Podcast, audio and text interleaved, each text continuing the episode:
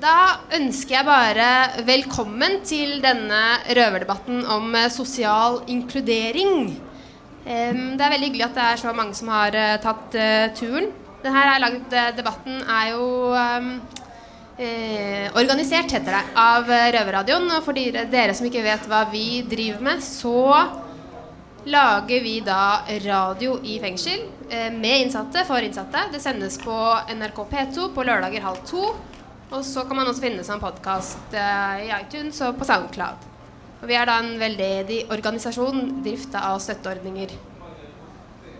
Åh, jeg liker at dere flytter dere fram. Det er veldig bra. Og vi er jo veldig heldige at vi får lov til å være her på eh, Nettverkshuset til Røde Kors. Og det passer jo veldig, veldig bra fordi vi skal snakke om sosial inkludering av innsatte. Hvis noen lurer, så heter jeg Martine, og jeg er da redaksjonssjef i Røverradioen. Så er det sagt.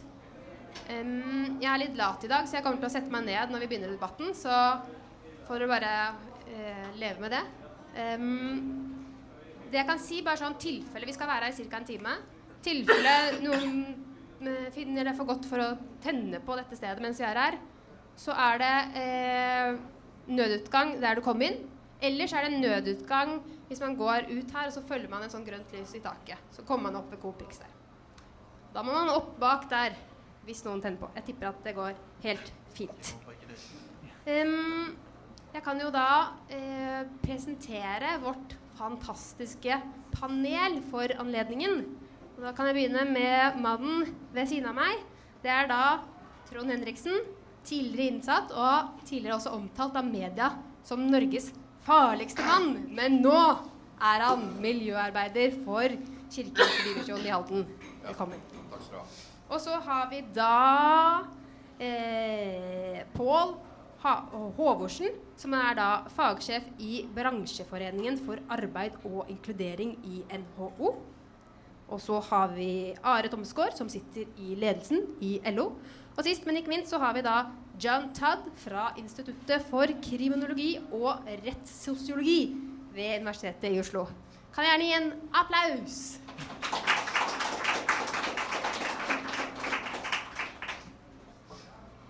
Og da vil jeg bare minne panelet på at hvis man har lyst til å si noe underveis, så er det bare å rekke en finger i været.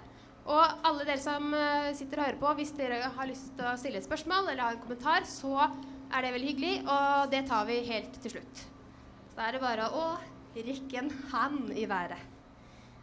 Da tenker jeg at vi bare begynner. Og hvis noen lurer, så kommer denne debatten her til å bli lagt ut på Facebook, nei, ja, Facebook på SoundClouden til Røverradioen i ettertid. Hvis man bare tenker 'shit, det her var så bra, jeg må gjøre det igjen'. Eller hvis man vil dele det med noen som man tenker 'du burde høre akkurat dette her'. Men da begynner vi, og da begynner vi med deg, eh, John. Em, vi må jo vite hva vi skal snakke om før vi begynner å snakke om det. Så hva betyr sosial inkludering? Ja, takk, og fint å se så mange folk her i dag. Um, ja, når vi snakker om sosial inkludering, uh, det er når det går bra, og når det går dårlig, da snakker vi om sosial ekskludering. Og da tenker jeg at det er kanskje viktig å tenke på uh, hvem er det uh, vi bekymrer oss over når det gjelder hvem blir inkludert og ekskludert, og hva er det som, som skjer. Og jeg tenker En sånn nyttig måte å tenke på sosial inkludering er at det er å ha mulighet til å delta i samfunnet eh, og ikke havne ut på marginene. Å være litt mer presis, det er å ha rettigheter, muligheter og ressurser som er tilgjengelig til andre i samfunnet. F.eks. helse, utdanning, arbeid, bolig. Tilgang til å delta i politikk og i familieliv. Eh, og når vi tenker på hvem er det som vi ofte bekymrer oss over, det kan være individer eller grupper. Uh, de som lever i fattigdom, funksjonshemmede, noen minoritetsgrupper eller innvandrere. Og uh, selvfølgelig folk som har vært involvert i kriminalitet. Og mange tenker på at å være innsatte i fengsel er å bli ekskludert fra samfunnet, å bli sosialt ekskludert på et ganske sånn, klart måte. Og at å få folk tilbake eh, inn i samfunnet igjen og bli inkludert er veldig viktig. Tusen takk. Eh, Trond, du har eh, tilbrakt størsteparten av voksenlivet ditt i fengsel.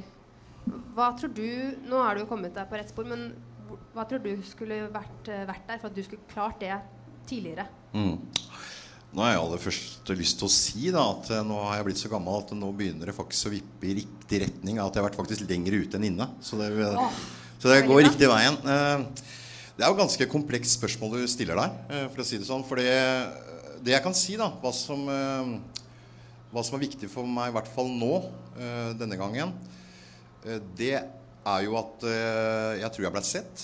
At folk brydde seg om meg og var villige til å gi meg en sjanse etter alle de feilene jeg har gjort. Det tror jeg er sånn grunnleggende viktig sånn At man må bli møtt med det. Eh, hvis ikke så tror jeg det blir veldig vanskelig. Hvis man bare viser ryggen til alle som kommer ut av fengsel, så er det jo ikke noen sjanse. Så man må Det tror jeg er det aller viktigste, at man eh, får en sjanse. Eh, og det har jeg fått av de menneskene som er viktige for meg i livet, og det er såkalte perlefolka, som jeg kaller det. Og det kan være en ekstra god arbeider i Nav, eller at det var en som jobba i radio, Radio Prime, som turte å satse på meg. Så, så det tror jeg er det viktigste, at man rett og slett gir folk en mulighet. Aller, først og fremst. Ja, At man blir sett og får en ny sjanse. Ja, jeg tror det. Hvis ikke så er det jo i hvert fall helt håpløst. Hvis man ikke får det. Eh, John, du har jo forska på bl.a. veien fra fengsel til frihet. Hva må til for å få en vellykka tilbakeføring? Ja, selvfølgelig er det mye som kan sies her, og, og det som funker for en person, kanskje blir helt feil for en annen. Men det hjelper kanskje å tenke på tre nivåer eller aspekter av prosessen å komme seg ut av fengsel og tilbake inn i, i samfunnet på, på en vellykket måte. Og vi kan tenke på personen uh, som kanskje har problemer med avhengighet, traumer og stå i vanskelige følelser, og, og mye som uh, den personen må ta, ta tak i og få hjelp til å ta tak i det. Vi kan tenke på relasjoner, så f.eks. familie eller venner, eller folk som eh, Trond sa, som, som satser på å gi en sjanse til. Eh, og også den konteksten at folk kommer ut i. Eh, så arbeidsmarkedet, bolig Er det akseptert å gi folk en ny sjanse? Eh, jeg tror Norge er ganske flink på det generelt sett, men hvis vi tenker på andre land som USA eller Storbritannia, da er det litt, litt annerledes, litt hardere kanskje, og litt eh, ja, sterkere meninger rundt det. Men eh, at vi tenker på ja, det, er- det er noe som må skje med eh, den personen som er i fengsel, med deres relasjoner og konteksten at de kommer ut eh, til. Eh, det er jo sånn at det er noen som er, er i fengsel, og så er de der for første gang. Og så er det noen som eh, kommer inn og ut av fengsel. Hvor stor forskjell er det mellom førstegangssoner og, og gjengangere da, på hva som virker når det gjelder tilbakeføring?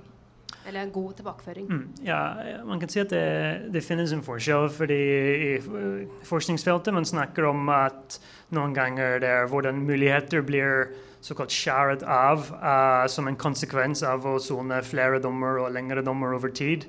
Uh, så ja, det gjør en forskjell. Uh, men det er sagt det er mange som eh, kommer her på Nettverkshuset, eh, som gjør en kjempejobb med å komme seg ut av kriminalitet, til tross for eh, flere opphold i fengsel. Så det er ikke sånn at det er veldig mørkt bilde nødvendigvis hvis folk har vært inn og ut flere ganger. Ja. Så det er, det, er, det er mulig for alle. ja. Er, det, er det noe som du kan si som, som er veldig forskjellig på de to gruppene? Som utmerker seg?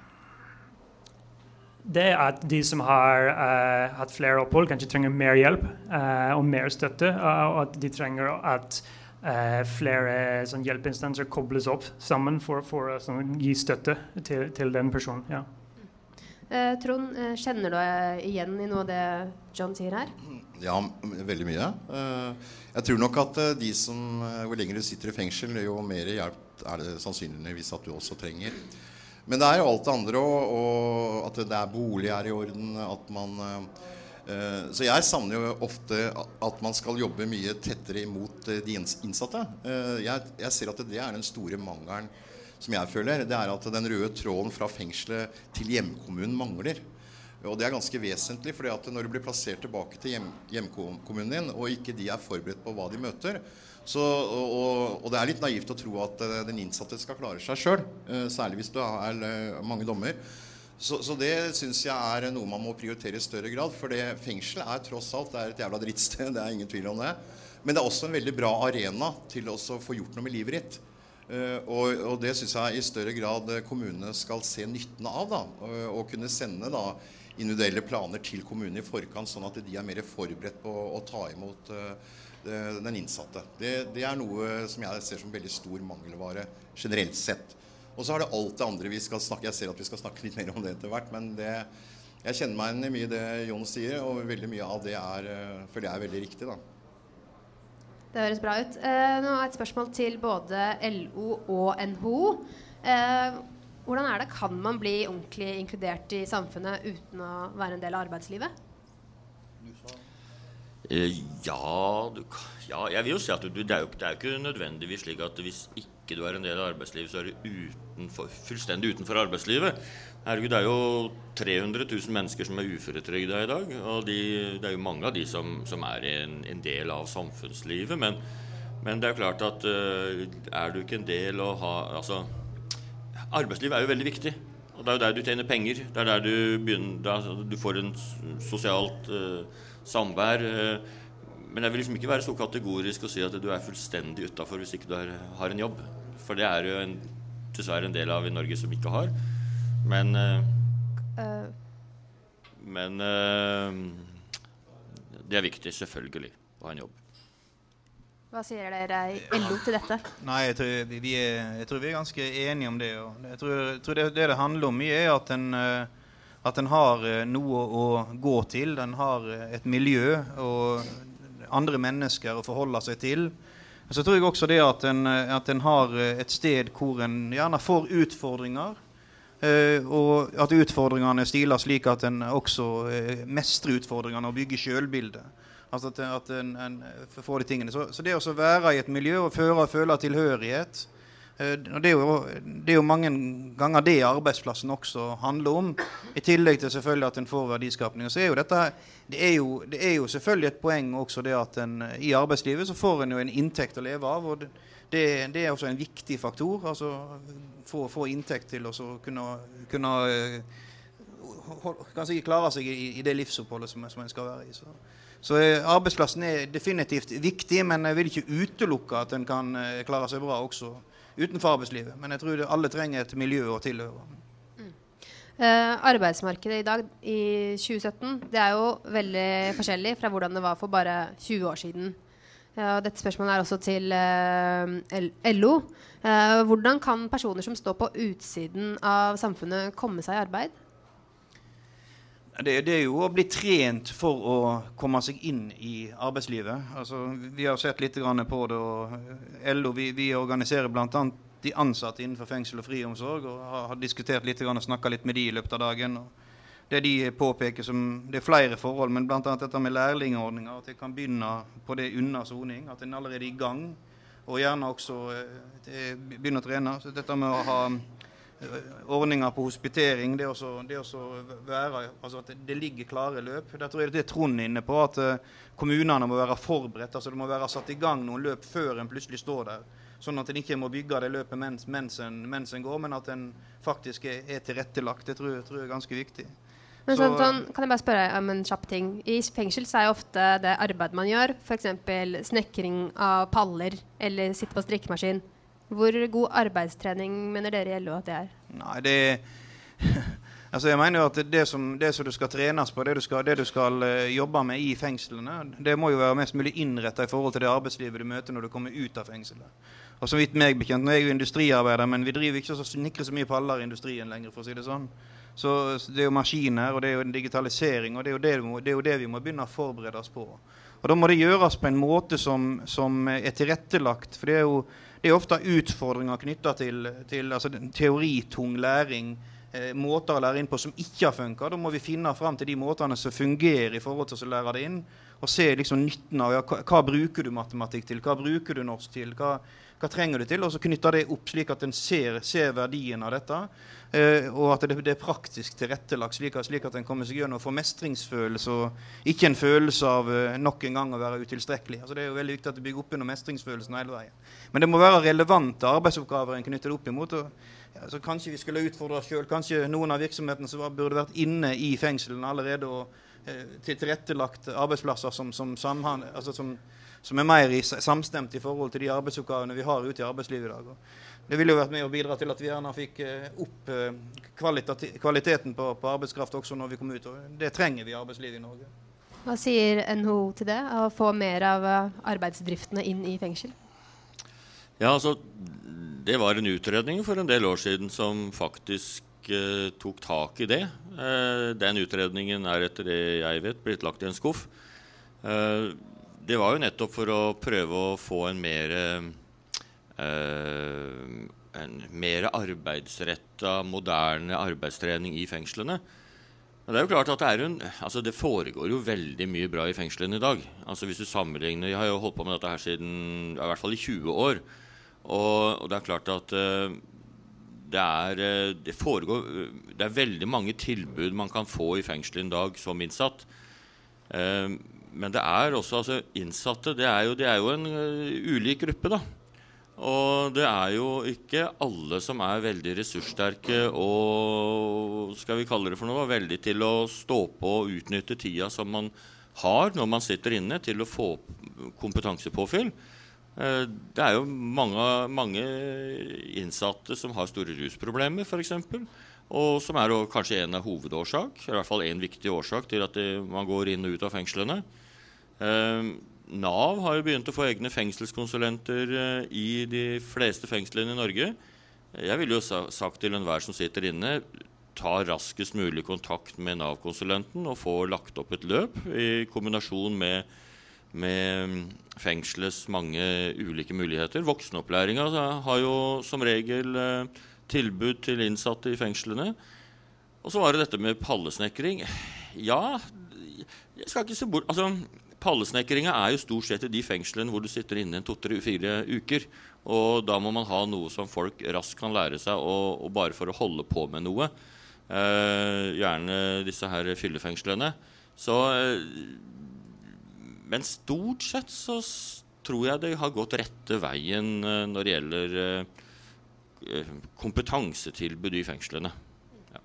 Jeg tror kanskje det er en del innsatte som vil være uenig med deg, men de er ikke her til å si det. Eh, John, du hadde en kommentar? Ja, bare det på det med å få virksomheter inn i fengsel. Uh, det er et uh, interessant eksempel i England, hvor en bedrift som heter Timpsons, har uh, sagt, sett opp uh, tre akademier inne i tre fengsler i England, hvor de opp, gir folk opplæring og tar dem ut direkte i bedrifter når de blir løslatt. Jeg syns det er en interessant idé som kanskje kunne være nyttig uh, her i Norge òg. Trond, du hadde en kommentar. Ja, jeg, jo, altså, jeg, er jo litt opptatt av å ha meningsfulle jobber i fengselet. Det, er, det syns jeg faktisk er veldig viktig. og Eh, jeg må jo si at jeg husker jo tilbake fra Ullersmo. Eh, når jeg satt og lappa høl i postsekker, og det er jo ganske heftig for en gammel bankraner eller postraner, må jeg få lov til å si. Så jeg blei ganske lei det etter hvert, og har vel også stampa noen hundre tusen skistavetupper. Uh, og det er klart at Når du får sånne jobber, så, så, inspirerer ikke det til å, å satse på arbeids, arbeidslivet. da. Men det er riktig som du også sier, jeg, jeg har lyst til å støtte det litt, at fengslene har jo blitt bedre. og Eh, på, I Hallen så er det f.eks. Eh, fantastiske utdannelsesmuligheter for de som vil uh, gjøre det. Men igjen tilbake til at man følges opp i ettertid. Det er, det er viktig. Men er, fengselet er viktig, og uh, godt arbeidsmiljø i fengselet det vil sikkert motivere folk til, til å fortsette. Så si gjerne ja til at LO kommer inn med enda bedre arbeidsoppgaver i fengselet. Det sier vi ja til. Eh, la, la, oss ta et uh, skritt uh, tilbake, ganger to. For sånn, ofte så er det sånn at det er over 6% av de som sitter i fengsel, de har ikke fullført videregående skole. og en av grunnene kanskje til at man kanskje havner på skråplanet, er at man ikke funker på skolen. Og så da blir det andre ting som man finner ut at man er god på av krimisgreier. Men eh, sånn tidligere, sånn før 1970-tallet, så kunne personer som uh, eh, droppa ut av skolen, de kunne få uh, jobb på, sånn seil, på sjøen. Ellers kunne det bli sånn gulvgutt på fabrikker og sånt. Eh, og da lurer jeg på, både til LO og NHO, er det slutt på den tida der eh, personer som faller utafor skolen, kan sysselsettes? Jeg ser at LO er klar for å svare.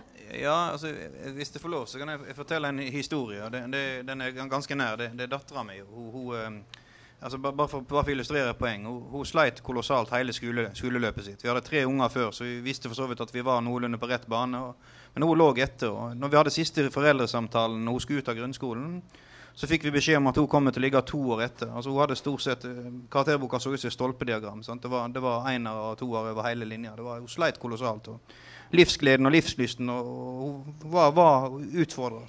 Begynte oppe i Jessheim videregående skole, og så ble vi enige om at uh, vi hadde hatt mye støtteundervisning, spesialundervisning, altså paragraf 12 og paragraf 5, alt det der. Og så ble, ble, vi enige om at uh, vi skulle møtes etter en måned for, for oss å skrive søknader på, på støtteundervisning og spesialundervisning. Og så uh, gikk det en måneds tid, og så ringte jeg klassekontakten. og da var det, det innenfor hjelpepleie. og da hadde jeg lyst til å gå på hjelpepleie. Maiken. Så får, får jeg beskjed om det at nei, Maiken trenger ikke noe støtteundervisning. Den, den, den koden knakk vi relativt raskt. Og så sier du 'hæ'? Nei, nå må dere slutte å tulle, sier vi Da trodde jeg liksom at nå skal, nå skal de prøve å frarane meg de, de uh, timene dattera mi trenger sånt, for å spare penger. Men nei, nei det, det, knakk vi raskt. Det var slik at når vi, når vi satte oss ned med dattera di og forklarte hun det at uh, hvis ikke hun kan regne ut en uh, medisindose, så dør pasienten. Og dattera di hadde ikke lyst til at pasienten skal dø. Og når vi satte oss ned og så forklarte dattera di at hvis ikke du klarer å skrive en rapport som gjør at det skiftet som kommer etter deg, leser rapporten, så dør pasienten òg. Det hadde hun heller ikke lyst til. Så dattera di hun, hun, regner, hun skriver noe, hun jobber som bare det for å få det til. Og dette går bra. Og det tror jeg er en symptom, altså jeg tror denne historien forteller litt sånn symptoman. Hun, hun, gikk ut med, med, med toppkarakter i alle fag og, og, med fagbrev etterpå. For det, var noen som hadde tatt seg tid til å fortelle hva er nytteeffekten av de fagene du faktisk er inne i. Altså ikke den teoritunge tilnærmingen der du ikke, der du ikke forstår hvorfor skal jeg holde på med dette her. Og det tror jeg, det tror jeg sånn at en, Før en går på arbeidslivet, så sier at nei, de, mange av de jobbene som var der, de er der ikke lenger. Det må vi bare erkjenne. Og I Norge så har vi valgt å ikke satse på de enkle jobbene, eh, som de kaller bl.a. borte i Sverige. Vi, vi, satser på jobber som faktisk er en del av verdiskapningen. Det reelle jobber som skaper verdier. Og da må vi også gjøre, gjøre, oss i stand til å ta de jobbene. Og det er fullt ut mulig å få til, men ikke med en sånn teoritung tilnærming. Det er grunner. Og jeg vil jo si at Det var jo Maiken som kanskje var den rasjonelle. For når ikke du skjønner hva du skal med noe, så er det jo ikke så jævla lurt å sitte og bruke enormt med ressurser på å tilta det heller. Men når noen da, når noen da bruker, bruker, den og går inn og så, og så tar det den veien og det, det, tror jeg også vi ser gang etter gang. De, de forsøkene en har, der en går inn og så tilnærmer seg læring på en annen måte der en bruker tida på en annen måte, og der en gjør det gjennom praktisk opplæring, praktiske tiltak, så, så ser vi også at, at vi, vi, får ikke bare arbeidstakere som, som, uh, som, mestrer læringen, men de mestrer den på et utrolig høyt nivå. og De blir meget dyktige. Så, så jeg, jeg, tror liksom det, det, er et sammensatt bilde. og jeg tror den historien jeg fortalte, er én vinkling. Det finnes andre vinklinger inn i forhold til den. Men det, men det å konstruere et kunstig arbeidsliv som ikke er der, det tror jeg ikke noe på. Jeg tror vi må finne løsninger på hvordan vi klarer å utvikle oss som mennesker til å gå inn, føle mestring og så kunne ta de reelle jobbene som er der. Hvis ikke så vil vi hele veien se oss sjøl i speilet, så vil vi, vil vi vurdere, vurdere oss sjøl i forhold til at det, det er ikke sånn det skulle være. Så du mener at skolen skal forandres, og at ikke, at det ikke er arbeidslivet det står på der, men at skolen skal bli annerledes? Ja, skolen bør bli annerledes, men på den måten at arbeidslivet tror jeg igjen altså Jeg husker når jeg, når jeg gikk på skolen, så hadde vi, hadde vi eh, var for folk som gikk halvparten av tida på skole, og halvparten ut i arbeidslivet. Og det er mange av de er i dag i, i, på, på, et meget høyt nivå innenfor sine profesjoner. for å si det sånn. Men de hadde en annen, de hadde en annen behov for tilnærming. Altså, det var ikke å sette seg ned med bøker som var deres måte å lære på ting. Altså, det, det, er sånn, vi er jo to, Hvis du skal skru sammen et Ikea-skap, så er vi jo to varianter. Noen må, noen må lære det gjennom å skru. Noen lærer gjennom å lese disse bruksanvisningene. Jeg skjønner ikke noen ting av bruksanvisninger. Jeg må lære gjennom å skru. Og det betyr at jeg må gjennom en fem-seks skrap før det sjuende blir perfekt. for å si det sånn. Altså det, det, vi har forskjellige måter til tilnærming, og det fanger ikke skolevesenet opp. Og Det tror jeg henger litt sammen med at det er pedagoger som utvikler de pedagogiske linjene. Jeg tror at vi som næringsliv må mye mye tyngre inn og så være med oss og bestemme hvordan pedagogikken skal være. Hvis ikke så mister vi utrolig mange arbeidstakere som forsvinner i dropper til forsvinner ut til sidene. Altså, dette er folk som har fantastiske egenskaper. Men pga. måten vi har lagt opp læringssystemet, så mister vi de. Og så får vi utfordringer, så får vi problemer. Og så får vi, får vi de, de livserfaringene som vi helst ikke skulle sett at folk har istedenfor. Så vi har en jobb å gjøre i forhold til dette. Arbeidslivet må bli tydeligere inn mot skolevesenet. Uh, eh, NHO? Ja, jeg er jo stort sett enig i alt det du sier. Um, um, men det er jo selvfølgelig en del jobber igjen som ikke du trenger all verdens skolegang på. Um, vet ikke om dere kan se det, men altså jeg, her står det 'ringer i vannet'. og Det er fordi at jeg leder et prosjekt som heter 'Ringer i vannet'. og Det er jo for å få arbeidsgivere til å ansette folk som har ulike grader av såkalt hull i CV-en. Eh, I dag så har vi delt ut noen priser. Eh, både her i, på landsbasis og i Norsk Gjenvinning har vunnet prisen. De har ansatt tolv stykker. og en del av de folka som har fått jobb der, de har nok vært både her og der i ulike sammenhenger. Eh, men så kjenner jeg jo tre gutter nede i, i Telemark, og der er én bedrift altså, som har ansatt tre personer gjennom de siste ja, halvannet, to åra kanskje. Som har vært inn og ut av fengsler og masse rusproblemer. Og ære være de arbeidsgiverne for det som får det til. Eh, og det er jo ikke bare selvfølgelig arbeidsgiverne som får det til, det er jo fordi at de folka som har fått jobb, eh, har også satt pris på det og valgt å benytte anledningen til å få en, en, ny start på livet. Så det er veldig, veldig bra. Og dette her er ufaglært arbeidskraft, kan du si. Men det er jo helt klart ufaglærte arbeidsoppgaver forsvinner mer og mer. Uh, og du tjener i alle fall ikke noe spesiell feit lønn hvis du har ufaglært arbeidskraft, som regel. Så jeg kjenner jo Altså, jeg jobber jo da i bransjeforeningen Arbeid og inkludering. Vi har disse arbeids- og inkluderingsbedrifter, det som har hett attføringsbedrifter tidligere. Fretex er f.eks. en av de. Halvparten av de som kommer inn der, grovt sett halvparten, har enten så store lese-, skrive- eller matematikkvansker at de har problemer med å fungere i et vanlig arbeidsliv. Og dette her er altså folk som kommer ifra skolebenk for kanskje noen ganske få år siden. Og det er jo skremmende. At du kan gå ut fra norsk skole i dag uten å ha tilfredsstillende kompetanse i basiskompetanseferdigheter, som det kalles. Så, eh, men så vet du igjen vi har videregående skoler som klarer å få gjennom alle. 100% Og så har du andre som, hvor det er 30-40% som uh, faller ut. Og da er det noe gærent med hvordan disse skolene drives. Så uh, her er det mange som må ta ansvar. Men eh, jeg vil også si da at eh, vi har noe som heter et arbeidsretta tiltak som heter arbeidsforberedende trening. Det blei opprinnelig starta opp på slutten av 70-tallet. Og vet du hvem var det som var målgruppa da? Og det var drop-out-ungdom. Så vi har hatt det tidligere også. Det har fulgt oss i mange år. Så det er ikke noe nytt. Det var en kommentar til LO. Ja, nei, bare, jeg, jeg, var kanskje litt bombastisk. Uh, altså, det er klart det fins arbeidsplasser, det fins jobber der ute som, som uh, absolutt uh, ikke krever veldig lang utdannelse. Som også kommer til å forbli det, selv om det er riktig som det blir sagt at det blir færre og færre av dem. Når det gjelder ringer i vann, så må jeg bare berømme. Jeg var, var før jeg kom til LO, så var jeg ordfører i Sørum kommune, og der hadde vi bl.a. veldig bra erfaringer med ringer i vann, så, så, så vi, vi, deler oppfatning i forhold til det.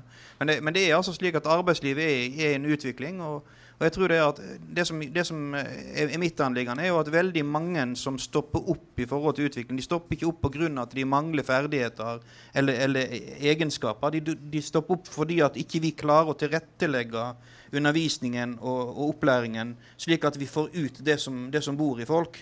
Og det, det, det, jeg tenker at Hvis du plasserer folk ut i en jobb eh, uten at du Så kan det også frata noen et utviklingsløp. Og Det handler rett og slett om at skolen bomma. Flaks, uflaks. Var jeg heldig eller var jeg uheldig i forhold til hvilken klasseforstander jeg fikk? Det er faktisk på det nivået det ofte ligger. Og det, det, det, er altså til, disse tilfeldighetene Vi må på en måte gå inn og så må vi gjøre systemet mye bedre for, for å unngå det. Og Da tror jeg nøkkelen ligger i at uh, vi i arbeidslivet vi må, vi må mye tyngre inn. Vi må tyngre inn i forhold til å gi flere tilnærmingsmåter for hvordan du skal tilta deg læring. Og vi må ikke minst også mye tyngre inn når det gjelder karriererådgivning overfor ungdommen. Mm. Ja, hvis, for eksempel, hvis man ser på folk som eh, mange innsatte, så er det en veldig stor del av de som har eh, ADHD. Ikke sant? Som ikke er uh, mennesker som ikke er laget for å sitte og skrive og sitte, og sitte i det norske skolesystemet. Burde ikke arbeidsmarkedet være mer klar for å ta imot den type ressurs? Det er, men, fordi Hvis dere bare legger det på skolen, det har ikke dere et ansvar? Jo, altså, det, det, kan du si, men ADHD og så kan du si diagnoser og sånt. For meg så, Det kan godt hende jeg sier noe som fagfolkene gjerne vil, vil, vil frese over at jeg sier.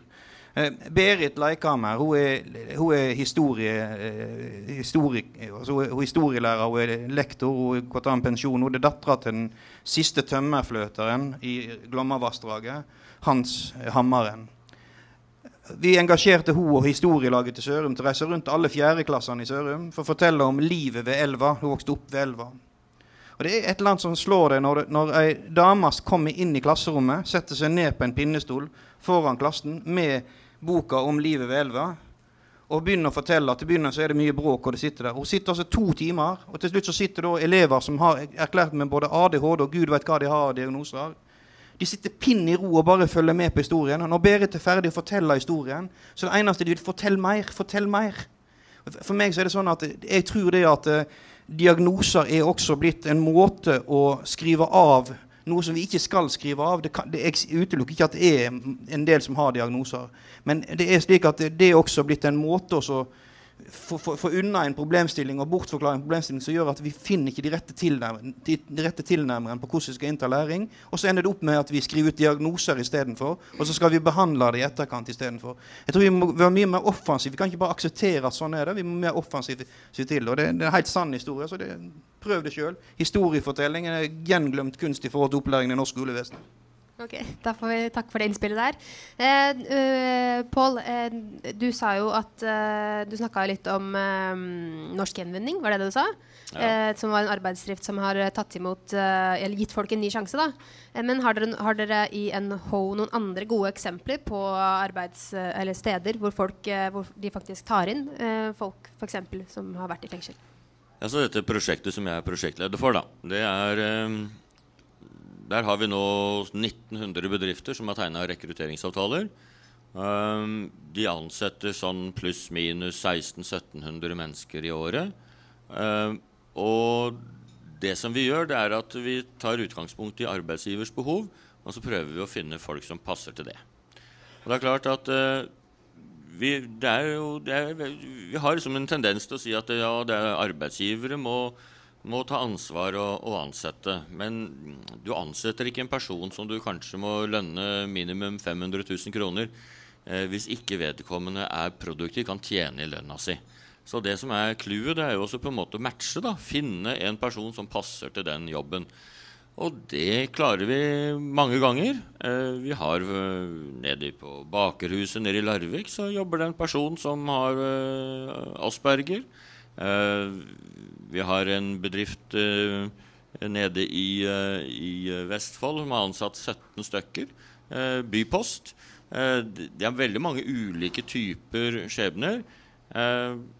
det som er mitt tips, det er jo at skal man få seg en jobb og få tillit hos en arbeidsgiver, så må man være åpen om hva som man, man har, har, eller skråstrek har hatt av problemer. Har du sittet inne og har en kriminell bakgrunn, så må du fortelle arbeidsgiver det. Hvis du prøver å holde sånt noe skjult, så vil det oppstå mistanker og liten grad av tillit. Så er åpenhet om hva du har gjort, og legge fram på en måte din plan eller håp om hvordan du har tenkt å jobbe videre framover. Um, hvis du tenker på når det gjelder innsatte, bare. Uh, er du fornøyd med dagens innsats hos dere på å klare å inkludere de tilbake i arbeidslivet? Uh, nå er det jo slik at De som vi jobber med, de kommer jo til oss fra Nav. Så det er jo litt Nav som bestemmer hvem som skal komme inn til en arbeid- og inkluderingsbedrift. Det tjener sikkert Fretex. De er kanskje de mer kjente, for de har jo Fretex Elevator, et sånt overgangshjem. Uh, jeg kunne jo tenke meg at vi hadde hatt flere slike rundt forbi i landet. I en litt sånn ulik skala. Så ikke fornøyd? Uh, altså, man kan jo alltids gjøre mer. Og Ta f.eks. disse uh, arbeidskonsulentene eller Nav-konsulentene som da jobber i fengslene. Uh, jeg jobba nemlig i Arbeidsdirektoratet for en del år siden og var med og innførte det systemet der. Det er klart at uh, det har hjulpet, men det skulle vært to, tre, fire ganger så mange som de er i dag. Jeg tror, har veldig stor tro på at man tidlig, altså mens man sitter inne, prøver å, å, få til denne gode overgangen. Du var inne på det med overgang til altså samarbeid med, i forhold til hjemkommunen. At uh, det er på plass en, uh, en, en, ordentlig bolig som gjør at du kan se framover. Ikke havne på et hospits eller noe sånt. Uh, at, at, det er på en måte det er, eh, og at man starter et rehabiliteringsløp mens man sitter inne. Så, til og med også arbeidsmarkedstiltak som kan starte med å, å, og, prøve å få jobb til deg mens du sitter inne, slik at du har en jobb å gå til når du kommer ut.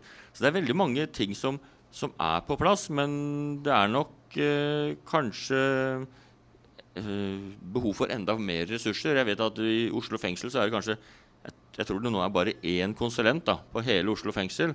Og det er jo ikke mye i forhold til de store utfordringene som, som er der. Eh, Trond, du vil ha en kommentar? Ja, jeg har, jeg, har, altså, jeg jobber jo i Bymisjonen, og vi har uh, mange på AFT-plasser. Uh, hva er det? Det er uh, arbeids... Til, ja, det er, det, de bytter jo navn annenhver uke her nå, men nå er det visst kommet fra sommer. Det, men det som jeg ser som er litt problemet med det, da, det er at nå har det blitt stilt mye mer krav. Og ganske strenge krav eh, tilbakemeldinger. Eh, og det er jo veldig mange i dag som trenger eh, å komme ut eh, Bruke lengre tid på å komme ut i, i et eh, arbeidsmarkedsprosjekt. ikke sant?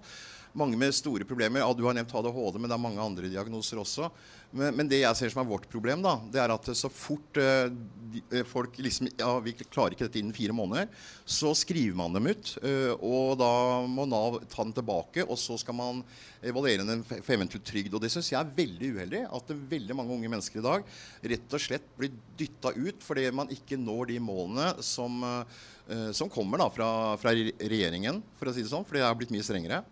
Eh, og det gjør det mye vanskeligere for oss også å få folk tilbake. Jeg skjønner at vi skal ha noen resultater, men for mange av disse, bare det å være i den settingen hvor du følger dem opp, bryr deg om dem, eh, det er ganske fantastisk å se. Eh, og jeg håper også, som du sier, at vi kanskje skal få enda flere At man genererer flere arbeidsplasser til ideelle organisasjoner som Frelsesarmen, som Bymisjon, som Røde Kors.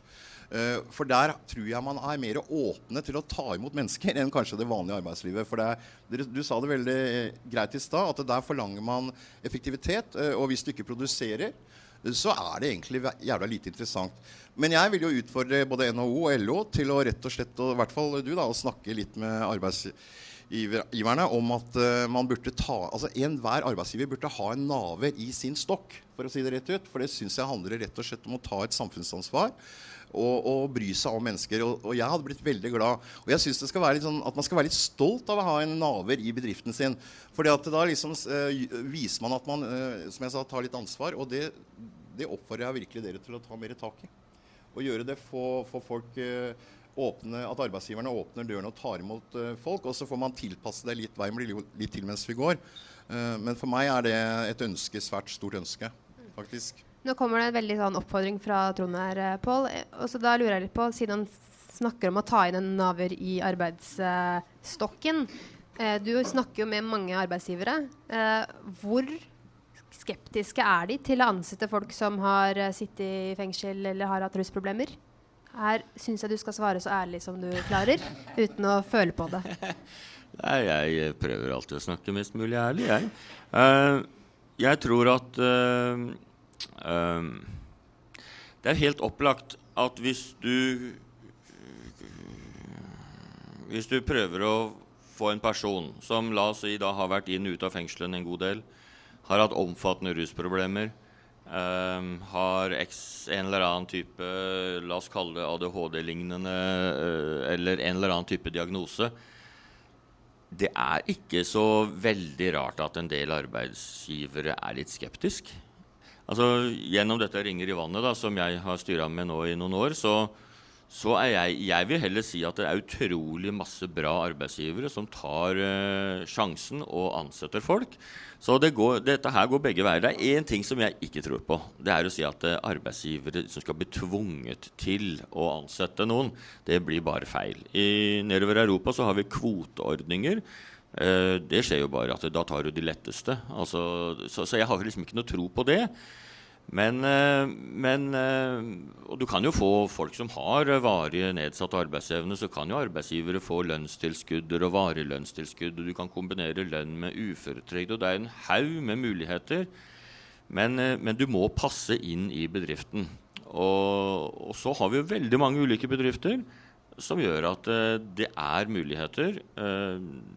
Selv om det har blitt noe strengere krav til resultater på en del arbeidsretta tiltak. Ja, men de, de, får folk ut allikevel. Så, men jeg tror kanskje noe av det viktige er at benytt fengselsoppholdet til å bli rusfri. Så må det gjøres grep for å hindre at folk begynner å ruse seg når de kommer ut igjen.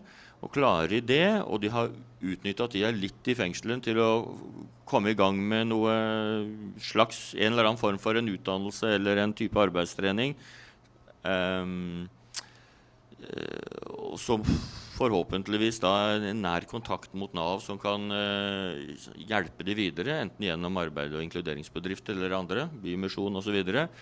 Um, det er mye som fungerer.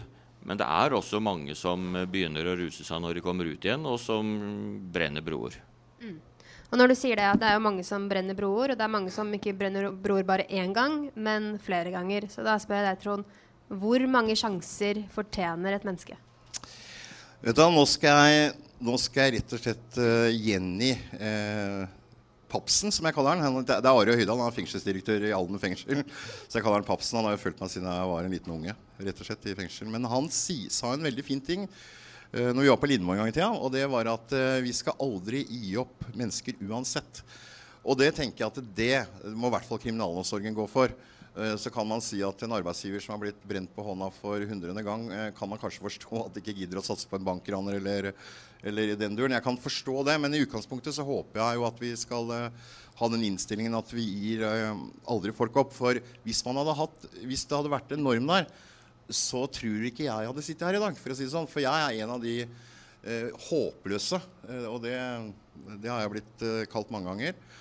så hvis ikke det hadde vært folk der som hadde gitt meg en sjanse på, på, på ny, så hadde ikke jeg vært her i dag. Det er jeg 100% sikker på. Så, så det, jeg har ikke noe fasitsvar på det. Jeg tror bare at vi skal i hvert fall i utgangspunktet si at det ikke det, det, finnes ikke håpløse mennesker, men håpløse situasjoner. Og det er de vi må rette på ikke sant? og få gjort noe med. Ja, Fint sagt. En kommentar fra NHO. Jeg har bare lyst til å si at um, det er ofte litt sånn i hjelpeapparatet så er altså Hvis du er på en måte litt sånn villstyring i 20-åra, så, så, er det nesten sånn at ok, vi får vente til han nærmer seg 30. Og da, da Ja. Men altså, når du nærmer deg 30 og bikker 30, så, så da kan du ha fått veldig mange, mange sjanser før det. Men da er det mange som gir en litt ekstra og tar sjansen, fordi da har du rast fra deg. Ja, så spørsmålet om man skal uh, la folk bruke mange mange år da, på å ikke komme til uh, samfunnet. Men uh, Trond, jeg lurer på hvordan ser du for deg at arbeidsmarkedet skulle sett ut for personer som faller utenfor?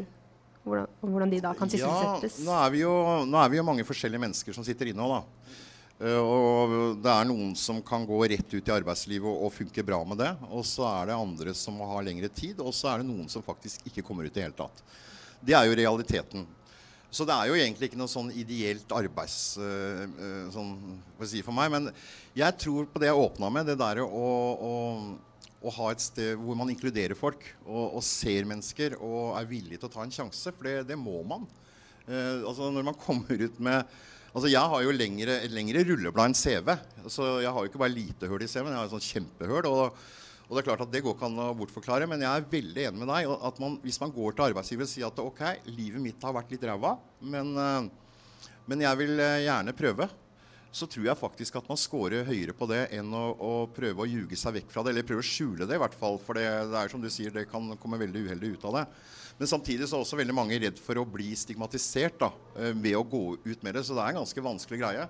Uh, Nei, nei, i utgangspunktet. Jeg har i hvert fall, eh, jeg scora veldig godt på det. Jeg husker når jeg ble ansatt i Radio Prime i Halden, og da fikk jeg beskjed av Ole Evnerud at eh, Trond, hvis du går ut og forteller sannheten, og så går dette bra Og det er ikke bare bare å sitte på radio og si at du har vært bankraner og den jævla store dusten, men eh, det som har skjedd i ettertid i fem år, da, det er at det er ingen som har snakka stygt om det. Altså Alle har åpna armene, gitt meg en sjanse. Så for meg har ærligheten vært veldig viktig. Uh, John, hva har arbeid å si for inkludering av løslatte? Ja, det er, det er, veldig viktig. Først tenkte jeg bare komme med en kommentar om det med hvor mange sjanser. Fordi Fra et forskningsperspektiv er forskningen er klart over at noen folk trenger flere sjanser, og de må prøve og feile uh, opptil flere ganger for de, for det til. Så jeg er bare helt enig i at uh, vi kan ikke gi opp folk. Uh, vi, vi, må gi dem nye sjanser. Um, men når det gjelder um, ja, forskning rundt arbeid og, og klare seg uten kriminalitet, eh, forskningen viser at det er viktig.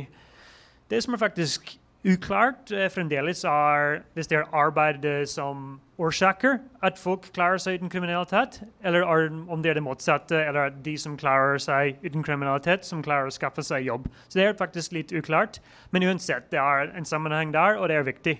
Eh, og det er viktig fordi det er en mulighet til å tjene penger, eh, til å bli gitt en ny sjanse og kjenne på den følelsen av å bli gitt en, en ny sjanse. Uh, bli kjent med nye kolleger og bli stolt på av en arbeidsgiver og disse kollegene. Um, og dette er en viktig både praktisk greie i å komme seg ut av kriminalitet, men også noe sånn, psykologisk og symbolisk med det òg. At, uh, med det, at, uh, det, det, det, kan hjelpe med den prosessen av å komme seg ut av kriminalitet. Men eh, hvordan er det, Bør eh, arbeidsmarkedet tilrettelegges for uh, løslatte, eller bør løslatte stille på lik linje med alle andre? Mm. Det er van vanskelig å gi et uh, enkelt svar uh, på akkurat det spørsmålet. men det jeg tenker som er interessant her, er at det finnes bedrifter i Norge og andre land som ansetter ganske mange som har vært i fengsel. Stormberg er et eksempel her i Norge. Og Der ofte har det vært noen i en lederstilling som bestemmer seg for at bedriften skal ansette folk som har vært i fengsel. Uh, og det er kanskje noe som kan skje enda fortere enn en kompleks tilretteleggingsprosess. er At vi skaper et kultur for uh, at arbeidsgiver sier at ja, dette er noe vi skal investere i. Uh, og det er blitt reist forslag om å gi sånn, noen finansielle insentiver eh, til arbeidsgivere som ansetter folk eh, som er i fare for sosial ekskludering. Så det er noe som vi, vi kunne kanskje tenke på.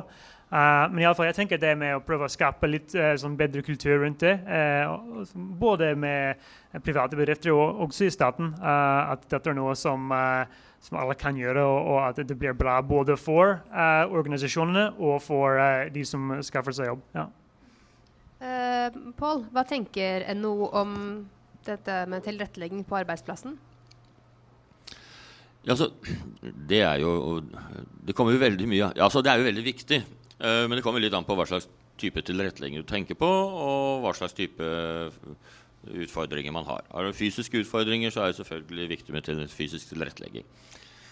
Det som Altså disse arbeid- og inkluderingsbedrifter det er jo til forveksling lik kanskje dette aktiviteten som dere har her, hvor du har jo kantiner og et sykkelverksted og litt sånn ymse.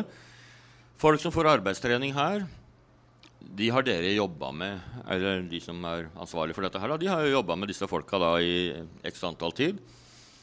Og de har lært de å kjenne, og de ser at eh, ja, du har hatt mye problemer før, men eh, du fungerer jo veldig godt her i kafeen den form for og hvis, og hvis, da den arbeidslederen eller disse her kjenner da til, bedrifter ute, og de kan gå god for Det er noe som vi har sett at både arbeidsgivere og, og, og folk sier. Jeg hadde noen som gikk god for meg. Da er arbeidsgivere ofte veldig åpne. Hvis de stoler på den som går god for. Altså, det her er snakk om relasjonsbygging. Altså, de som driver dette, denne drifta her, bør kjenne en god del arbeidsgivere. De opparbeider tillit. Og hvis de som da jobber her, går god for en person, kan ha alle mulige vansker. Det ser vi bl.a. de som vant Drivprisen i Telemark i dag. De tar sjansen fordi at det er noen som går god for deg. Og det er en type tilrettelegging som er utrolig viktig. Men er ikke det en tilrettelegging som ikke skjer på en arbeidsplass, men før man kommer dit? Altså, kan, kunne man Jo, men altså Hvis du har vært kriminell en del år og fram og tilbake og mm, Tilrettelegging Det er kanskje vel så viktig at du får tilrettelagt en, eh, en grei bopel. At du får tilrettelagt noe, den slags type ting. Det kan godt være at du skal normaliseres så raskt som mulig som enhver annen nyansatt på arbeidsplassen uten å gjøre for mye ut av det. Altså det, det her er en delikat balansegang som en må eh, passe på ikke å gjøre for mye heller. Mm. Men da kan jeg spørre deg, Trond. Eh, hvis man tilrettelegger, kan det være ødeleggende for den Ja. sosiale inkluderingen av løslatte? Ja. Altså jeg tror at uh, det her er, det er veldig viktig på å si her, det med balanse. Fordi hvis man syr for mye puter under armene på folk, så er ikke det bra, det heller. Altså, fordi at eh, Hvis man gjør det, så stiller man heller ikke krav til personen. Eh, og det må man gjøre. Altså Det er veldig viktig at man stiller krav. For det, stiller man krav, så får man også ansvar. Eh, så dette, er, dette henger veldig sammen. Altså jeg har, hvis, hvis jeg får lov å fortelle det sånn litt enkelt da, Jeg jobber jo i en kafé ute i Halden der som driver med litt lavterskel og serverer togpassasjerer. Og vi har tatt imot noen på samfunnsstraff. To stykker. Og det som er så fantastisk, at de var ganske aktive og holdt på og rusa seg og, og var ganske langt nede. Så måtte de gjennomføre samfunnsstraffa hos, hos oss, da. Eh, Og etter de var ferdig med den, så ble begge to frivillig og jobber i dag. Altså kommer frivillig uten å få fem flate øre tre dager i uka og lager mat til andre rusmisbrukere. Og det det, det forteller meg, det er at, eh, at de har blitt sett, og det å få følelsen av å bidra og være nyttig, det tror jeg er det viktigste for ethvert menneske å føle på. Eh, og det at de får lov å lage noe enkel mat der av overskuddsmaten fra Kiwi, det tror jeg, som sikkert mange andre her også som jobber her, at de får lov å være med og delta og bidra for det mennesket man er. Og, og legge litt den der bakgrunnen til side. Da tror jeg mennesker vokser. Og det har jeg i hvert fall sett på de folka som, som vi har åpna dørene for. eh, at det hjelper. Det hjelper veldig mye. Og, og gi litt omsorg og kjærlighet. Det høres litt sånn, der, eh, sånn hva skal jeg si for noe, litt sånn pinglete ut, dette her. Men jeg er veldig for det, da. Så hei omsorg og kjærlighet, sier jeg bare.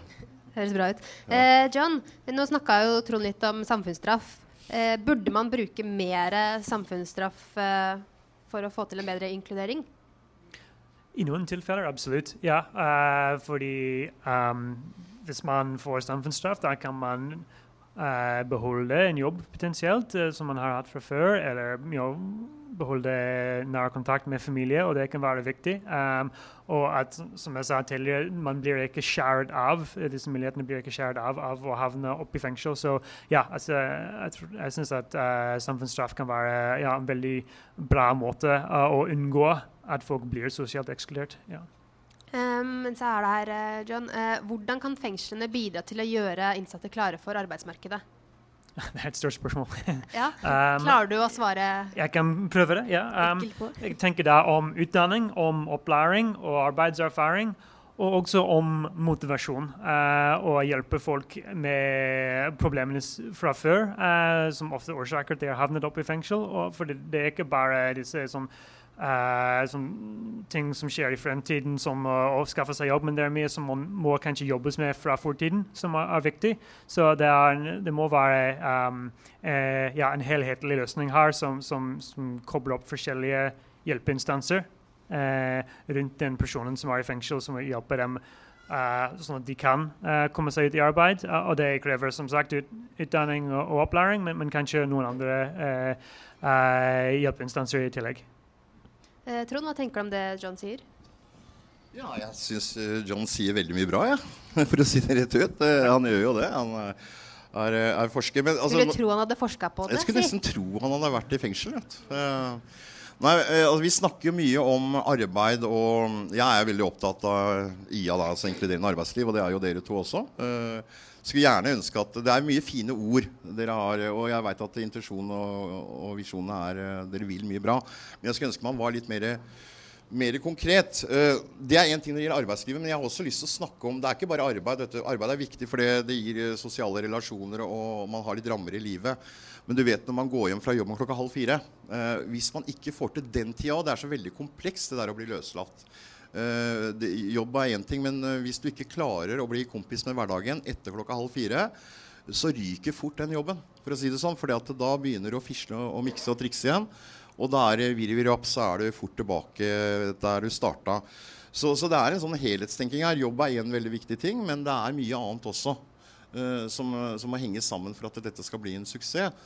Og det der med bare å lære seg å bo. Mange har ikke lært seg å bo. Altså det er noen ting vi, snakker om å bruke fengsel som arena. Det er så mange muligheter. Og vi må bli enda flinkere til å bruke fengsel eh, til å få folk tilbake til det samfunnet som eh, altså, blir til det mennesket vi alle ønsker eh, vedkommende skal komme tilbake til. eh. Så, så jeg håper jo at vi, vi, vi får til å bruke fengslene enda bedre. Det gjøres mye bra i fengslene i dag, for all del, men vi kan bli enda bedre, og vi må strekke oss mot det.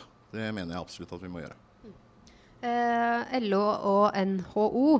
Um, nå har dere jo vært litt inne på det, men er det noe For dere snakka om uh, Vi snakka litt om, om kanskje flere um, Hva heter det? Uh, selskaper kan komme inn i fengslene og at begynne å jobbe med innsatte. Men er det noe mer dere uh, som organisasjoner kan bidra med for å bistå i prosessen med å forberede fengselsinnsatte på å komme seg i arbeid etter en soning? Er det noe mer? Eller tenker du at dette her er ikke vår greie?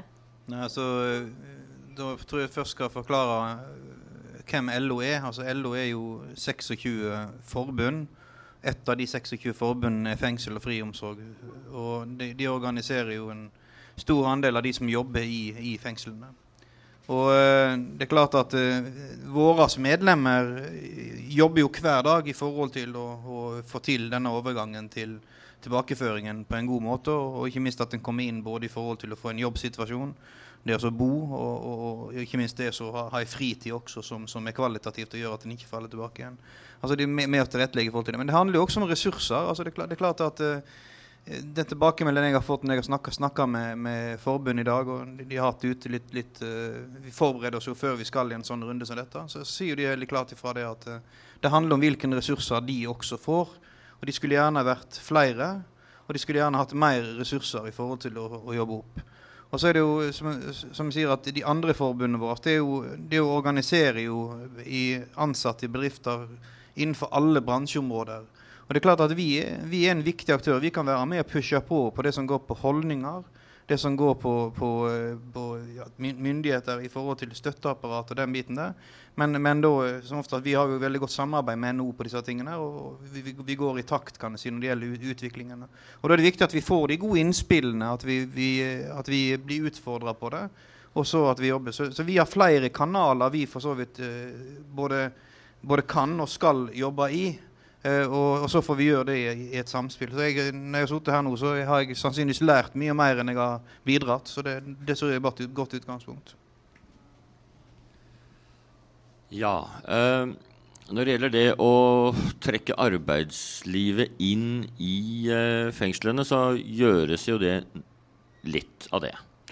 Uh, som sagt, jeg var med på en stor uh, undersøkelse om dette her på begynnelsen av 2000-tallet. og Den ble som sagt lagt i en skuff. og Det var fordi at det var en del motstand internt i fengselet, ansatte der, til at uh, på en måte litt av arbeid... Altså Du kunne jo tenke deg at det, du kunne outsource arbeidsdrifta. For f.eks. at arbeid- og inkluderingsbedrift organiserte den drifta. Og det var snakk om å prøve det ut, men det ble det aldri noe av. Så jeg, Det er noen ganger at å gå opp i en løp som har vært uh, vurdert, og du har brukt mye tid og krefter på uh, en gang til, det vet jeg ikke. Jeg tror kanskje det viktige er jo at uh, vi får til gode overgangsordninger. Uh, F.eks. Fretex. Det er klart, De har Fretex elevator, så kan du jobbe i Fretex. Du kan få en så myk overgang. Det er jo mange som sitter inne fra Ila, som eh, jobber på arbeid- og inkluderingsbedrifter i en overgangsfase. Altså Få til slike overgangsfaser tror jeg er veldig viktig. Så er det f.eks. Eh, der du jobber, så finnes det jo da arbeidsretta tiltak, noe som heter oppfølging. I regelverket der så står det at der, der, kan man starte med å bli kjent med folk mens de sitter inne, forberede en mulig uh, arbeidstrening med ansettelse hos arbeidsgivere som trenger arbeidskraft. Du kan begynne prosessen mens du sitter inne, og så, så du får til myk, myk overgang. Det brukes nesten ikke av Nav i dag. Så har du en annen liten ting, en kuriositet. Uh, kanskje noe, de, Vi hører jo om disse som kommer ut med en plastikkpose i handa. Det er jo ofte de som blir sluppet ut for tidlig.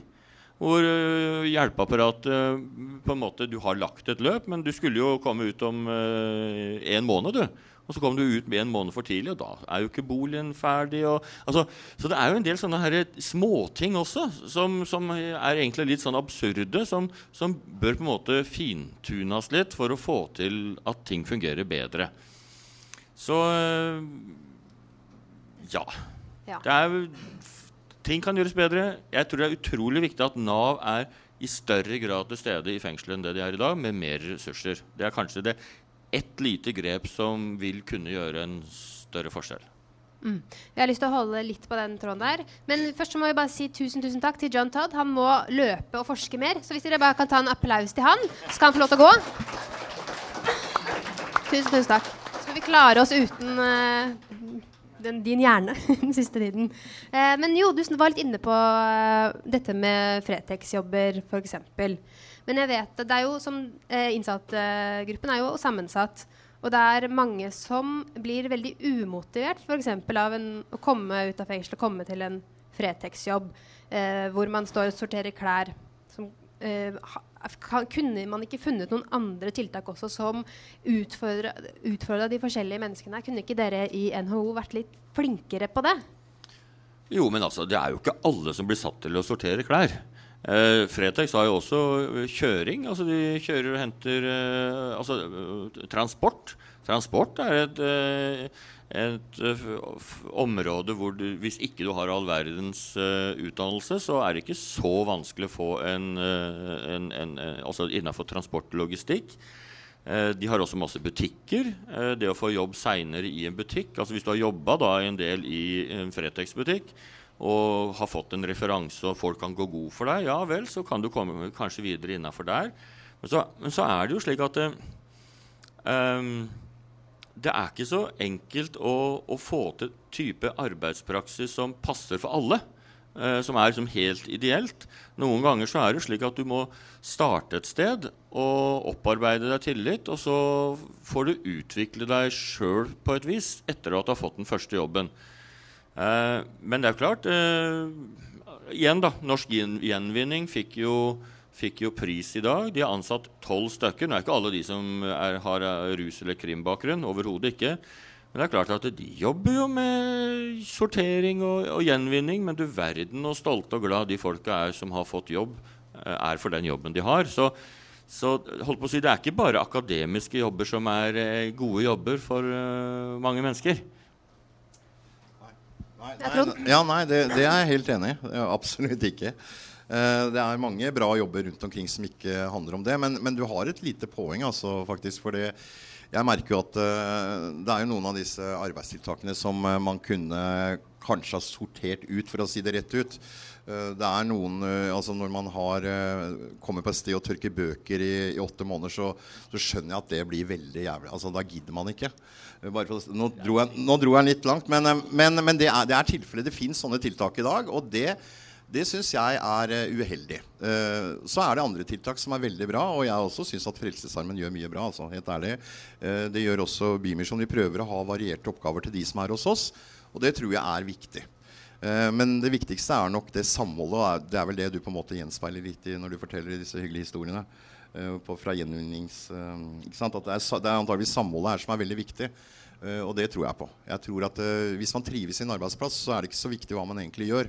Uh, men trivselen er veldig viktig.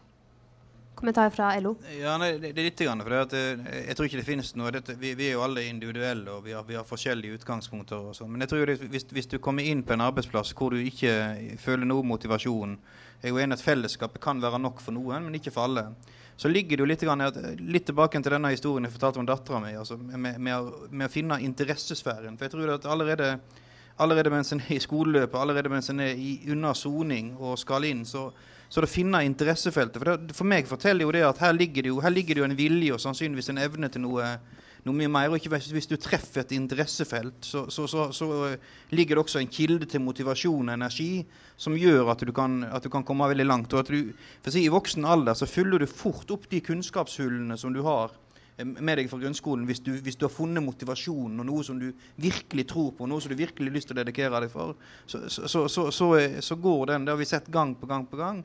Så, det, det, er nok noen også som er der, at en skulle da ha fått stimulert uh, og fått, fått, fått, tilrettelagt slik at en traff mer interessesfæren som gjorde. Og så er det jo selvfølgelig en utfordring. Vi ser jo det generelt. Det er jo, det å få nok læreplasser, det å få nok plasser, det er jo et generelt problem i samfunnet. Vi skulle gjerne hatt mange flere læreplasser. Og det er jo igjen, Hvis, hvis arbeidsmarkedet var bedre og, og, vi hadde flere læreplasser, så, så ville også tingene gått best. Og Der må jo det offentlige kanskje begynne å ta, ta seg sjøl litt i nakken. For det, det, offentlige er jo ikke akkurat noe lokomotiv når, når det gjelder læreplasser alltid. Så, så, det er jo også, vi, vi har en god del utfordringer, og der må vi, må vi stå på. Uh, jeg har et spørsmål til eh, NHO. Det er jo sånn at Skal man få jobb i dag, hvis man går på Finn og ser på stillingsannonser, så skal man ha bachelor og master og tjo og hei. Eh, hva, kan, hva, kan, man gjøre for, for, for, det er klart at Kommer man ut fra fengsel, så har man, ikke, så har man stort sett ikke disse gradene. Hva kan, hva kan man gjøre med norsk næringsliv som gjør at man blir liksom kvitt dette her mastersyken, eller hva jeg skal si. At man må, man må, tåle at folk har ikke bare erfaring på fancy på papiret, men at man kan ha jobba seg til erfaring. Hva, hva, kan, hva, kan, man gjøre for å få eh, arbeidsgivere til å ta imot folk som ikke har grader? Ja, altså ja, altså For det første så er det jo en del stillinger som, som krever at man har en viss kompetanse. Det er helt åpenbart at uh, og den mastersyken som vi har snakka om i Norge vi er jo, vi har ikke med, altså er, Resten av Skandinavia eller Norden har jo dobbelt så mange folk på, med mastergrad eh, enn det vi har i Norge. Så at vi har så veldig mye masterfolk i Norge, det, det, er bare en eh, det, det, er bare tull. Men det er ikke noe tvil men, om at arbeidslivet krever folk med høy utdannelse? Ja, ja og de krever folk med høy Men det er ikke bare høy utdannelse. Du skal jo være et supermenneske hvis du leser mange av disse stillings... Altså, du skal jo, du skal jo være så du skal jo være så motivert, og du skal jo være så omstillingsdyktig, og du skal være så service-minded, og du skal kunne jobbe minst 130 så, så det er jo helt klart men det er jo nettopp det vi jobber med i Ringer i vannet. Det er jo at uh, folk som sliter, uh, de kommer via en uh, arbeids- og inkluderingsbedrift. Altså Det er ganske mange arbeidsgivere som, som, som, ikke gidder å lyse ut stillinger lenger, fordi de orker ikke å få 500 søknader. Et rengjøringsbyrå nede i, i Porsgrunn de, de, de rekrutterer kun fra lokale arbeid- og inkluderingsbedriften fordi at det er mannen sjøl som eier selskapet, som må sitte og jobbe med, altså gå gjennom alle disse søknadene. Det tar masse tid. Du har mye annet å gjøre i tillegg. Og du er overhodet ikke sikker på at du treffer med den du eventuelt plukker ut. For, men gjennom Ringer i vannet så får du prøvd ut folk, og du, vi plukker ut kanskje en to, tre, fire, fem stykker som arbeidsgiver kan velge mellom. Altså, vi, vi prøver også å finne type metoder som gjør det mye enklere for folk for, for arbeidsgivere å ansette folk som har uh, ja, bruker det ordet hull i CV-en. da. Uh, og det er vel der hvor vi har sett at vi lykkes. Og da er igjen, når jeg sier altså innsatte God tid før du kommer ut. Kanskje det første du gjør når du kommer inn, det er å ta kontakt med den lokale Nav-representanten og be om å, å, å få et uh, ordentlig Kaller det for en attføringsopplegg mens du sitter inne, og overgang til arbeidslivet. Hello. Nei, altså, jeg, jeg, tror det er en annen aksje nå skal ha litt uh, med seg det, i forhold til dette med master. og Det går på realfagsretning eller akademisk retning. Og uh, jeg kjenner veldig mange som har gått via ufaglært, kommet inn i arbeidslivet, fått en interesse for det en holder på med som igjen har tatt det vi tidligere kalte paragraf 20. Nå er det vel en annen paragrafnummer, for å si det sånn. Men der en har tatt fagbrevet gjennom arbeidsplassen. Som igjen har blitt gitt muligheter og har gått, gått, gått til ingeniørstudiet. Og så kan du ta sånn sammenhold til at Jeg kjenner mange som har gått den veien som ingeniører, som da har tatt seg en tilleggsutdannelse innenfor økonomi og ledelse. Men jeg kjenner ingen som gikk den akademiske veien og begynte med en økonomi- og ledelsesutdannelse, som har tatt seg en tilleggsutdannelse innenfor fagbrev og, og ingeniør. Og Det syns jeg er sånn til, til, foreldre og sånt òg, at en utfordrer litt. Grann for, for vi ser det som kommer nå med digitalisering, automatisering, det er realfagskompetanse stort sett som kommer til å, til å bli krevd i, i, stor grad knytta til, til, de næringene. Og, og, og det, det, er ikke snakk om at du skal ha en master eller ikke. Det er snakk om at du trenger den kompetansen virksomheten din trenger. Veldig mye kommer til å handle om lokal kunnskap knytta til den Du kan komme med en master, men du må likevel læres opp på nytt igjen når du kommer til bedriften. Fordi at det, det, er tilrettelagt inn. Og jeg er helt overbevist at det er mange som har sittet inne, som, som, som, eh, som uh, kan ha interessesfære rundt dette. Her gjelder datateknologi, det gjelder spill. Altså, det å ha spilt mye, det kan, faktisk bli en, det kan faktisk bli noe som har gitt deg eh, skills til å gå inn og gjøre en jævlig god jobb for en arbeidsgiver. Så vi, vi må også se på det med nye øyne. og da, må vi passe på at ikke vi fratar hverandre muligheter med at vi, vi henger oss sjøl opp i gamle tenkemønstre. Um, nå har vi jo snakka veldig mye fint og flotte ord og alt mulig sånt, men da lurer jeg litt på, det spørsmålet er til alle. Uh, hvor eh, sånn konkret vi, Det virker som alle vil prøve å få til en bedre uh, sosial inkludering her i Norge. Men hvor konkret starter arbeidet? Hvor skal vi begynne? Jeg kan, jeg kan godt begynne. Kan, altså, ja, vi, vi, må jo i forhold til, eller, Når vi er her og snakker om innsatte, så må vi selvfølgelig begynne i fengselet. Uh, det, det, er helt klart. At vi må sette inn mye ressurser i fengslene for å, å og, og, gjøre det bedre og mulighetene bedre. Men det, er en ganske sånn stor greie, for vi må også gjøre Nav bedre. Altså Nav er faktisk et veldig stort problem. Og jeg savner en kompetansehevning i, Nav. Jeg syns det er innmari sprøtt at en lege med sju års utdannelse får reparere et menneske, mens en som jobber på Nav, har tre år og trenger ikke være gamle heller for å begynne å lære og skal hjelpe deg tilbake til livet. Så jeg tenker at en kompetanseheving i Nav er viktig. Eh, Nav må også spesialisere seg i større grad eh, mot akkurat innsatte. Eh, jeg tror også eh, en stor oppgave er at akkurat disse AFT-bedriftene som skal få folk tilbake, vi kan ikke ha de store kravene. Vi må bruke god, at vi kan bruke litt bedre tid. Ellers så bare fraskriver vi oss dem, og de går rett inn i trygdeordninger. Og det er uheldig for hele samfunnet. Så det er en ganske kompleks greie. Men eh, jeg tror vi i hvert fall må begynne i fengselet. Det er det aller viktigste. NHO? Ja, altså jeg er jo litt optimist, jeg, da. Og jeg ser jo at det er jo, det er jo veldig mye bra som, som, skjer. Jeg har besøkt fengsler i, i England, blant annet. Uh, og det, altså, vi, er jo, vi, er jo, langt foran. Sånn at, uh, sånn at det er uh, Den helt store revolusjonen tror jeg vel ikke er nødvendig, men det er å, å få ting til å fungere litt bedre og justere og og få sette litt mer ressurser til det. Ja, jeg ville gjerne hatt uh, såkalt tiltak. 10 000 flere tiltaksplasser som gjør at uh, folk ikke trenger å stå og vente i over et år for å komme på en tiltaksplass.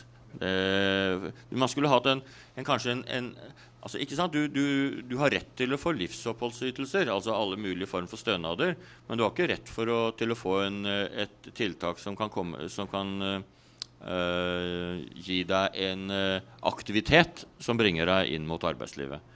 Så fra ytelser til aktive tiltaksplasser. På slutten av 90-tallet var nesten 80% av folk som var på attføring, de var i aktive tiltak. I dag er det godt under 50 ja. LO? Nei, Det blir kanskje litt ved siden, siden av selve hvor Men altså, det, er så, det er jo så tidlig som mulig at en kommer i gang. Eh, og eh, vi, vi, eh, for vår del så handler det selvfølgelig om å være i gang i forhold til de ansatte i, i fengslene. og At de er på, at vi, vi klarer å være med, å utvikle. og Hvis vi har, hvis har stritta imot, Men vi må se på forskjellige modeller for oss å kunne lykkes. Det, det, Målsettingene må jo, må jo ligge, ligge, til grunn her. Og Det andre det, det er jo arbeidsplassen. og Da er, er, det slik at LO med de 26 forbundene vi har, og til sammen 920 000 medlemmer. Eh, rundt 650 000 av de ute i arbeidslivet. Eh, det er klart at vi kan nå ut eh, med hold, altså det å skape holdninger, det å skape gode, inkluderende arbeidsplasser. For det er jo, det er jo våre medlemmer i stor grad en vil treffe når en kommer ut på arbeidsplassene. Og at en, at en, er med å bidra til at løpene skal lykkes. Altså det, å, det å ta vare på og gi en plass å høre til. Og ikke minst være med og bidra til å bygge opp under mestringsfølelsen. Det å, det å lykkes, det å se at tingene, tingene, går i riktig retning. Så, så det, det, er klart, men det, Der trenger jo vi hjelp. Vi trenger innspill fra den, den, som sitter med kompetansen. Og så kan vi bruke de arenaene som vi er tungt inne på. Det gjør vi helt sikkert godt i samspill også med NHO og andre organisasjoner både på arbeidstaker- og arbeidsgiversiden. Jeg tror ikke, det, jeg tror ikke det er noen motsetning mellom noen av oss. for å si det sånn. Takk. Eh, Trond, helt til slutt, har du en uh, bønn til det norske samfunn for å få til en altså, bedre Selv om jeg jobber i Bymisjon, så trenger man ikke nødvendigvis å ta en bønn, men uh, En oppfordring? En oppfordring. Noen ord? Ja, til det norske samfunn. Det var, ja, det var svære greier, det. Men jeg, har en, jeg, kan ha en oppfordring til eh, de to gutta ved siden her, fordi de er utrolig viktige for, eh, for, eh, for arbeidslivet i Norge. At det du sa på slutten her, det der med å skape gode holdninger i LO, det er selvfølgelig veldig veldig bra.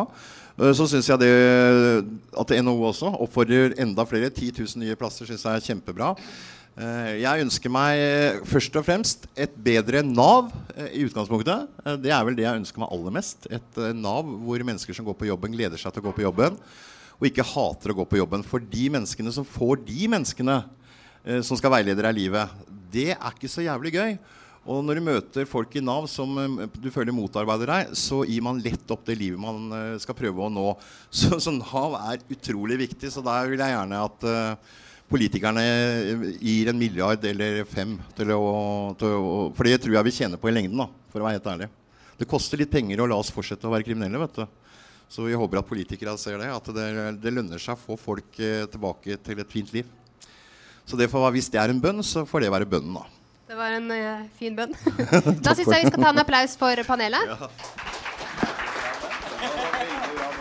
Og så like, uh, Dere må like Røverradioen på Facebook, så får dere beskjed om nye debatter. Vi skal ha mange debatter i løpet av høsten, så vi håper at dere kommer.